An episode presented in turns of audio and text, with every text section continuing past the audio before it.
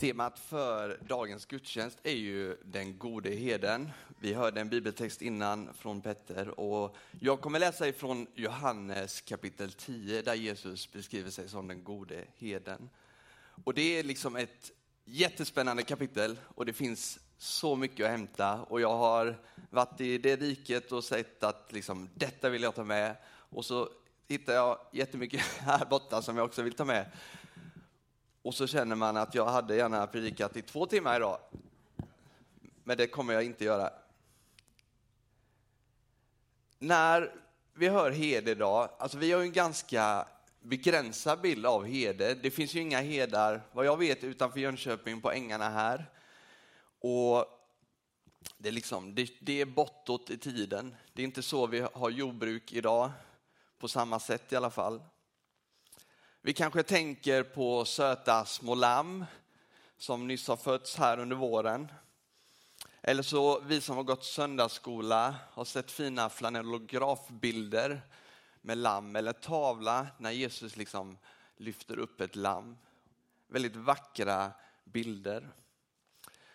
Så då är ju frågan liksom nu när vi kommer till Johannes kapitel 10, vad är det Jesus vill säga när han beskriver sig som den gode heden? Och oss som får. Är det en fin bild han vill ge? Eller är det tvärtom? Alltså vi vet ju, vi säger ju fårskallar till dem vi liksom vi är irriterade på och inte tycker fattar. Är det det Jesus vill få fram med det här budskapet att vi är lite, lite, lite vad säger man? Ja, fårskallar helt enkelt. Vi ska få upptäcka och gräva tillsammans. Men vi ber för predikan. Jesus, tack för att vi får samlas tillsammans till din nära Jesus. Och tack för ditt ord. Jag ber att det ska få tala till oss, utmana oss och hjälpa oss att följa dig och lära känna dig. Amen. Vi läser tillsammans ifrån Johannes kapitel 10, vers 11 till 17. Så det är mitt, jag kan säga det innan vi börjar, att vi kommer in mitt här i predikan när Jesus har beskrivit sig som den gode heden. Och så säger Jesus så här. Jag är den gode heden. Den gode heden ger sitt liv för fåren. Den som är lejd och inte är herde och inte äger fåren, han överger fåren och flyr när han ser vargen komma. Och vargen river dem och skingrar jorden. Han är ju lejd och han bryr sig inte om fåren. Men jag är den gode heden och jag känner mina får och de känner mig. Liksom fadern känner mig och jag känner fadern. Och jag ger mitt liv för fåren. Jag har också andra får som inte hör till den här follan. Också de måste jag leda och de ska lyssna till min röst och det ska bli en jord och en hede. Fadern älskar mig därför att jag ger mitt liv för att sedan få det tillbaka. Som jag sa så kommer vi mitt in i en predikan eller ett tal som Jesus håller och han har i versen innan beskrivit liksom att ja, men ni är fåren. Han har använt bilden av att jag är grinden som vi måste komma in i. Bilden av att det är liksom genom Jesus som vi blir frälsta. Och för att förstå, vi behöver backa ytterligare ett steg för att förstå varför Jesus håller den här predikan. I Johannes 9 som är kapitlet innan då så har Jesus precis helat en blind man så att han har fått sin syn tillbaka. Och det här väcker liksom frustration och lite frågetecken hos de judiska ledarna. Att nej men du var ju blind, vem har gjort så här så att du kan se? Och den blinde mannen säger liksom, men det var den där mannen Jesus som har fått mig att se. En sak vet jag, jag var blind men nu jag ser. Och då kommer ju de här ledarna, judiska ledarna till Jesus och undrar liksom, vad har du för mandat med att göra det här. Och så liksom landar det liksom i en grundfråga till Jesus. Att vi behöver veta, är du från Gud eller är du inte från Gud? Och så kommer Jesus svar på det. Och vi hörde ju i kapitlet, eller vad säger jag? Du läste ju från Hesekiel 34 innan om Gud ska sända en herde till sitt folk och I gamla testamentet finns det massa bilder av hur Gud beskriver sig som herde och att Israel, eller folket, är jorden. David ber i psalm 23 att Herren är min herde. I Jesaja 40 och 11 så kan vi läsa om hur Gud liksom ska föra och leda fåren framåt och lyfta upp fåren. Och så kommer också det här stycket i kapitel 34 där Gud ger ett löfte 500 år innan Jesus att han ska sända någon av Davids ett som ska vara en herde för mitt folk. Så när Jesus väljer att svara på den frågan, är du från Gud eller inte, med att säga att jag är den gode heden, så fattar alla som hör Jesus fattar direkt att han hänvisar till Hesekiel 34. Okej, okay, du menar att du är kommen från Gud. Så det är en viktig poäng att få med i den här bibeltexten. Men om vi tar hedarnas status på Jesu tid så de var inte så högt ansedda. Man liksom ansåg att de är tjuvaktiga människor och opolitliga och de vill vi inte riktigt kanske ha att göra med. De hade låg ställning i samhället. Så man kan ju undra liksom, varför väljer inte Jesus att beskriva sig som den store kungen eller chef som vi kanske hade använt som ord idag eller vad man skulle kunna välja. Det som skiljer ganska mycket mellan en kung och chef och en herde, det är att heden lever ständigt tillsammans med sina får. En kung är ju såklart kung för folket, han leder folket. Men samtidigt så sitter han ju gärna i sitt palats med pengar och makt medan vi människor, folket, lever och arbetar för vårt dagliga bröd ute i samhället. En chef kan ju vara en jättegod chef på arbetsplatsen, hjälpa oss att göra ett bra jobb och visa vägen framåt. Men när klockan är fyra och det är dags att gå hem så försvinner relationen mellan chefen och kollegan.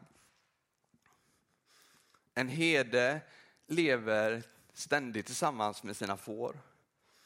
Han är med dem på dagen, han sover och vaktar dem på natten och till slut så luktar han absolut lika mycket får som sina får. Alltså budskapet Jesus vill få fram är att ja, jag finns mitt ibland er. Jag är inte liksom långt borta och att det är dit bort ni måste komma för att komma till mig, utan jag finns mitt ibland er och nu är jag här som eran herde som vill leda er och skydda er. Jesus finns mitt ibland oss. En annan så intressant grej med den här bilden med herde är att på den tiden använde man ju inga hundar. Vi kan ju tänka att hundar, ibland när man ser herdar idag så är det ju hundar som skäller på fåren för att skrämma dem framåt i rätt riktning. Eller man kanske använder fyrhjulingar eller något idag för att liksom få dem åt en viss riktning. Men på den här tiden, och jag har förstått att det fortfarande går till så på vissa ställen i Mellanöstern där man eh, bedriver, eh, använder, har får och så, att heden behöver inte gå bakom och skrämma dem framåt, utan heden kan gå före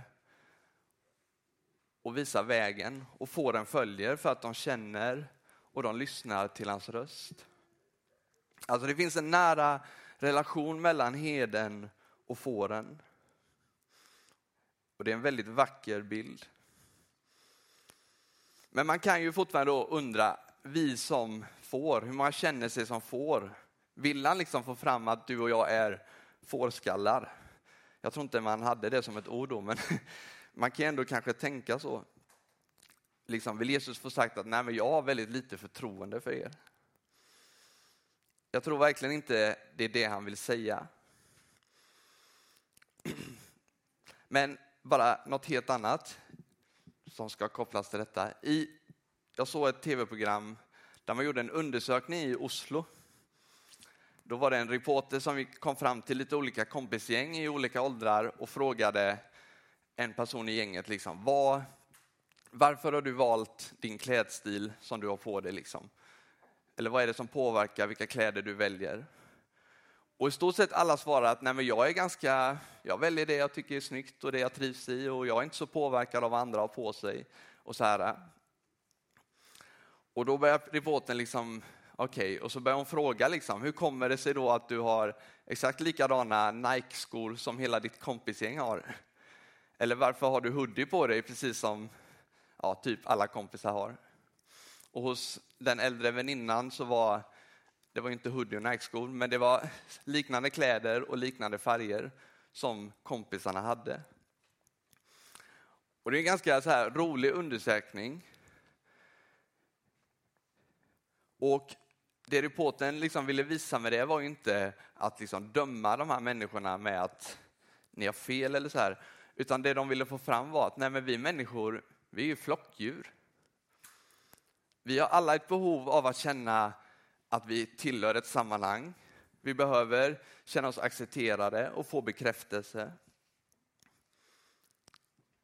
Så liksom vårt samhällsideal skulle man kunna säga är att vi ska känna oss så fria som möjligt. Men den här undersökningen visar att nej, men ni är ju inte så fria som ni tror. Du har ju den där hoodie på dig för att dina kompisar också har hoodie på sig. Kanske är det så att det finns en rädsla att inte känna oss accepterade som får oss att lite oroligt titta oss omkring på varandra, på samhället, på reklam eller influencers för att känna att jag behöver vara accepterad. Att jag tillhör någonting.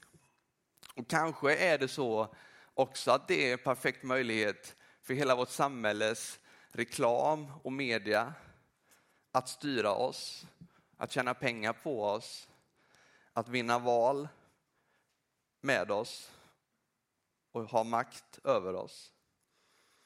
Så är vi fårskallar? Verkligen inte. Det är inte det Jesus vill säga. Men vi kan läsa i Jesaja 53 berättelsen om hur vi alla gick vilse som får. Jag tror det finns miljontals röster som kallar på vår uppmärksamhet, som vill liksom vara våra herdar och få oss att följa för att man tjänar någonting på det. Så frågan till oss är, vilken röst är det som vi lyssnar på? Vad är det vi tar till oss och vem har blivit herde i våra liv? Kanske har vi gjort aktiva val som att jag håller på ett visst fotbollslag och verkligen låter det forma mig. Men också samhällsideal och värderingar och intryck som leder mig åt ett visst håll.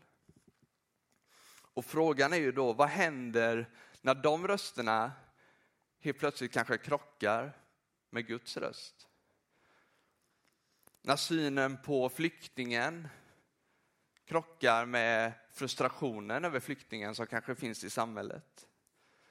När Guds röst om givmildhet och tjänande krockar med samhällets ideal om att du ska tjäna, tjäna, tjäna och tänka på dig själv. Därför är det inte oviktigt, tänker jag, vad det är vi lyssnar på. Det spelar faktiskt roll hur mycket vi sitter med mobilen och vad det är jag matar mig med i mobilen. Det spelar roll hur mycket vi läser Guds ord och hur mycket vi låter Guds ord få ta till, till eh, tala till oss. Inte för att det är det som gör att vi sitter här som kristna, för att vi är duktiga på något sätt, utan för att det är röster som ropar på vår uppmärksamhet. Det finns ett citat som jag tycker är väldigt bra. Det handlar inte bara om att säga nej till det onda som förstör, utan också allt det där goda som distraherar. Vem vill vi ska vara herde i våra liv? Och vem är herde i våra liv? När Jesus säger att han är den gode heden, så om man tittar på liksom det grekiska ordet god här, så betyder inte det bara god i moralisk bemärkelse så som vi tänker att ja, moraliskt god människa, utan det betyder också vacker skulle man kunna säga. Och då är det inte bara vacker utseendemässigt, utan det är liksom som att den godheten som Jesus har, har någon slags dragningskraft till sig. Alltså Jesu godhet, han säger ju att han ger sina liv för fåren. Så mycket älskar han fåren. Det får lärjungarna att känna att jag vill gå samma väg. För jag vet att det är den goda vägen. Och för lärjungarna slutar det att i stort sett alla lever martyrdöden.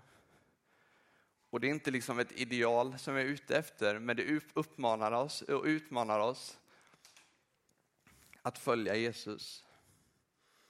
Och det utmanar oss också att inte bara höra, utan också att göra. Det hjälper ju inte fåren att bara höra på heden, utan de behöver också lita på honom och följa honom till det goda betet eller in i hängnet under natten. När Jesus avslutar bergspredikan så säger han, så liksom avslutar han med en bild av att den som hör mina ord och gör därefter, han är som en klok man som bygger sitt hus på en berggrund. För när stormen kommer så kommer inte huset rasa. För det är byggt på en stabil grund. Men den som hör mina ord och inte gör därefter, han är som en dåre som bygger sitt hus på stranden. Och när stormen kommer så rasar huset för att grunden inte är stabil. Jag tänker att välja Jesus som herde, det är att få komma hem. Hem till honom som känner oss utan och innan. Han som vet allt som vi bär på, som vi brottas med, som vi funderar över och som vi längtar efter. Och jag tror att han vill hjälpa oss och ge oss vår sanna identitet i en tid med miljontals röster. Jag ska avsluta med vers 12 som vi läste innan. Där det står att den som är lejd och inte är herde och inte äger fåren, han överger fåren och flyr när han ser vargen komma och vargen river dem och skingrar jorden. Han är ju lejd och bryr sig inte om fåren. Det står ju inte att när, om vargen kommer, utan det står när vargen kommer. Och det står också om den lejde heden, alltså en herde som kommer in tillfälligt, eller en annan herde som inte är den riktiga heden. Han bryr sig inte om fåren egentligen, han gör ju bara sitt jobb. När vargen kommer i våra liv, när livet inte blir som vi har tänkt oss, när sjukdom drabbar eller relationer brister, när det blir krig eller coronakris eller andra kristider. När vargen kommer, vem är det då som är våran herde? Vilken röst är det vi lyssnar till i den tiden? Jesus säger att han är den gode heden och att han är villig, eller han har gett sitt liv för fåren. Vi ber tillsammans. Jesus, tack för att du är den gode heden. Inte bara som ett moraliskt exempel utan också någon vi får följa. Och jag ber att vi ska få uppleva den vackra dragningskraften som du säger att du, du också är och vill ge oss Jesus. Du ser att vi lever i ett samhälle och en tid som plockar på på så många olika sätt. Tack för allting som är gott i det här samhället Jesus. Som är tryggt och som vi mår bra av Jesus. Men jag ber också om din hjälp och din vägledning. Om att lyssna till din röst, höra din röst och att du ska vara våran herde. Om det är det vi längtar efter Jesus. Hjälp oss att orientera och välja bort det som kanske distraherar. Tack för att du är Herre Jesus. Amen.